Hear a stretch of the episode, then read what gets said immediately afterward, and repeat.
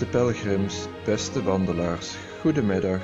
Een mooie laatste wandeldag wens ik jullie toe, uh, want vanmiddag komen we aan in het prachtige Maastricht. We zijn er nog niet, ik bedoel, wat betreft Patrice Corde zijn we er nog lang niet. We beginnen nu aan hoofdstukje 4 en het zijn er zeven, dus we redden het niet. Maar wie doet ons wat? Laten we die mooie tekst van de paus liever rustig overwegen dan er gehaast doorheen snellen, want daar krijg je alleen maar spierpijn van en ademnood. Vandaag rustig aan hoofdstukje 4, dat we natuurlijk eigenlijk al voorbereid hebben in hoofdstuk 3. En ook natuurlijk in de Zoom-meeting van zaterdagavond. Toen kwamen we terug op hoofdstuk 3, gehoorzaamheid. En we hebben allemaal erbij stilgestaan dat niemand in onze groep dol is op slaafse gehoorzaamheid. André heeft daar iets over gezegd. Gon formuleerde het ook heel mooi. Gehoorzaamheid betekent doorgaan, volhouden, doorzetten, op je weg. En dat doen we dan ook. En Wim had al vooruitgelezen, dankjewel Wim, want Wim wist al uit hoofdstuk 4 erbij te halen dat de paus in feite hetzelfde denkt als wij want na gehoorzaamheid gaat het over aanvaarding. Daar moet ik even bij zeggen dat ik dan denk aan de kruisweg in de kerk van Tungelrooy. Tungelder. Beste André en Christine, zeg ik het goed? Bij de tweede statie, Jezus neemt het kruis op zijn schouders. Bij die tweede statie staat in de kruisweg van Tungelrooy alleen maar één woord onder dat beeldje: de aanvaarding. En dat is prachtig. Jezus aanvaardt, te romantisch gezegd is, Jezus omarmt het kruis, maar hij aanvaardt het wel. Dit is wat nu op zijn levensweg komt. Hij kan proberen te vluchten, maar hij doet het niet, hij aanvaardt het. Nou, dat is precies wat Paus Franciscus in hoofdstuk 4 uitlegt. En daar gaat het natuurlijk weer over de droom, de dromen van Jozef, waar hele onvoorstelbare dingen aan hem worden bekendgemaakt, geïnformeerd. En hij rent er niet van weg. Hij aanvaardt het. Hij doet er zijn uiterste best op om zich goed hiervoor in te spannen. Hij vertrouwt op de woorden van de engel. Jozef presenteert zich als een respectvolle, fijngevoelige man die, hoewel hij niet over alle informatie beschikt, kiest voor de goede naam, de waardigheid en het leven van Maria. Dat schrijft Paus Franciscus. De weg van Jozef is niet een weg die overal verklaringen geeft, maar een weg die aanvaardt. En de paus haalt dan ook het boek Job erbij. Job die behooid wordt van de ene op de andere dag, van overvloedige weelde vervalt in armoede en ziekte en diep verdriet. En Job zegt dan, het goede nemen we wel aan van God, waarom dan het kwade niet? Job hoofdstuk 2 vers 10. En precies zo zegt Jezus ook nu tot ieder van ons, wees niet bang. Het leven van ieder van ons kan op wonderlijke wijze opnieuw beginnen, als we de moed vinden om het te leven volgens wat het evangelie ons voorhoudt. En het doet er niet toe dat alles nu een verkeerde wending lijkt te hebben genomen en dat sommige dingen nu onomkeerbaar zijn. God kan bloemen doen ontspruiten tussen de rotsen. Zelfs als ons hart ons iets verwijt, hij is groter dan ons hart en hij weet alles, citeert de paus, de apostel Johannes.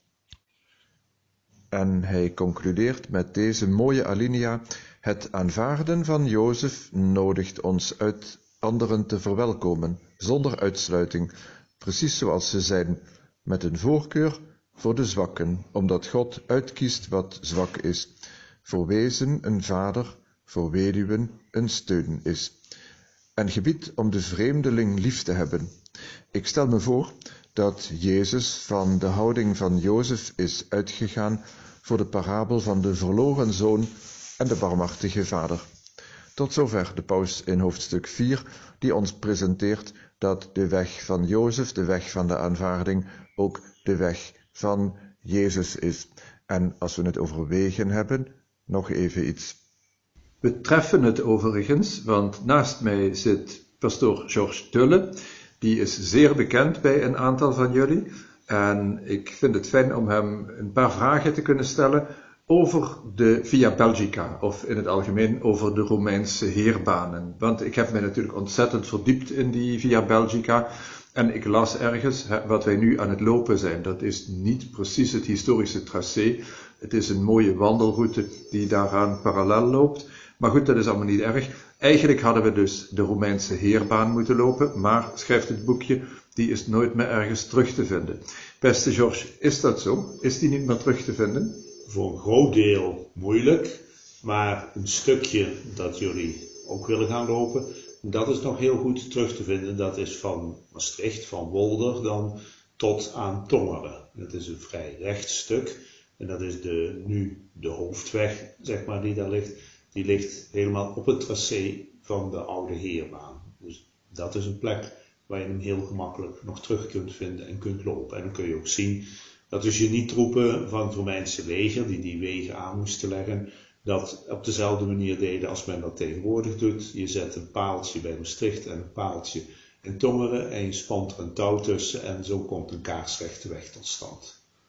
Maar als uh, Zuid-Limburger van geboorte ben ik natuurlijk trots op het Limburgs Heuvelland. Het was nogal een grondverzetbedrijf wat die genietroepen hebben moeten uitvoeren. Hoe hebben ze dat ooit kunnen doen? Dat ging, ja, als de berg te groot was, ging de weg eromheen. Maar anders dan werd, zoals we kunnen zien, ze bijvoorbeeld het miljoenenlijntje aan is gelegd, dan werd er dus gewoon een sleuf gegraven om een stuk van de berg afgegraven. De soldaten hadden daar wel, ja goed, het was gewoon handwerk en uh, dan werd het op die manier het pad geëffend. Maar enig omhoog en omlaag, dat was geen bezwaar, dat kon wel. Ja, ja, ja. Want de wegen werden met name te voet of te paard of met een kar. Maar goed, dan, het moest natuurlijk niet te veel klimmen en dalen, maar het kon wel wat hebben. Als de dag vordert, kan ik me voorstellen dat menige wandelaar verzucht, hadden we maar die rechte Romeinse weg kunnen lopen. Hm. Um, nou, dat is niet zo. Ik kan wel als troost zeggen, ons eindpunt wordt Maastricht. Iedereen van ons weet dat Maastricht een Romeinse stad is. Ja, Tongeren ook. Wat is Romeins aan Tongeren? Tongeren is gesticht door, ja, te zeggen, Julius Caesar heeft België veroverd, als noordelijk deel, of eigenlijk heel uh, Gallië. En België is het noordelijke deel daarvan. Je kunt zeggen, wat nu de Nederlandse provincies Brabant en Limburg zijn, dat hoorde toen bij België. En dat gebied is door Caesar veroverd. En hij heeft, nadat hij de Eburonen heeft verslagen, kun je lezen in zijn boek De Bello Gallico, heeft hij in uh, de hoofdstad van de Eburonen heeft hij een vestingstad van gemaakt en dat is Tongeren. En dat is Tongeren genoemd naar de Tungri, dat was ook een stam die daar woonde. Het was de Civitas Tungrorum, dus de stad, de woonplaats van de Tungri. Daar heb ik nog nooit van gehoord. Oké. ik weet wel dat Tongeren iets te maken heeft met een Maastrichtse bisschop. Hoe zat dat ook weer? Ja, dat is in later tijd. Het was de, op een gegeven moment, als je in Tongeren bent, kun je zien, de, als je de stadsmuren, de grootste uitbreiding van ziet, dat Tongeren een hele grote stad was en dat zelfs nu het moderne Tongeren nog niet past in die te grote jas. De stadsmuren lopen buiten een heel stuk door de weilanden, dat je denkt waarom ligt hier een muur.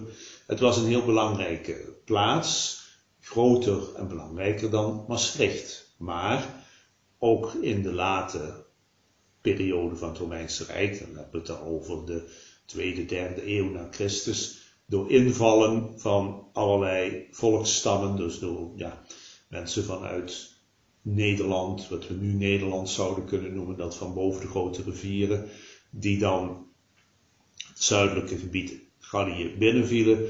Toen werd de stad minder veilig en er werd een veel kleinere stad gemaakt. Dat kun je dus ook zien, dat zijn de stadsmuren die later ook versterkt zijn tot de middeleeuwse stadsmuren van Tongeren. Dus dat is echt een heel stuk kleiner geworden.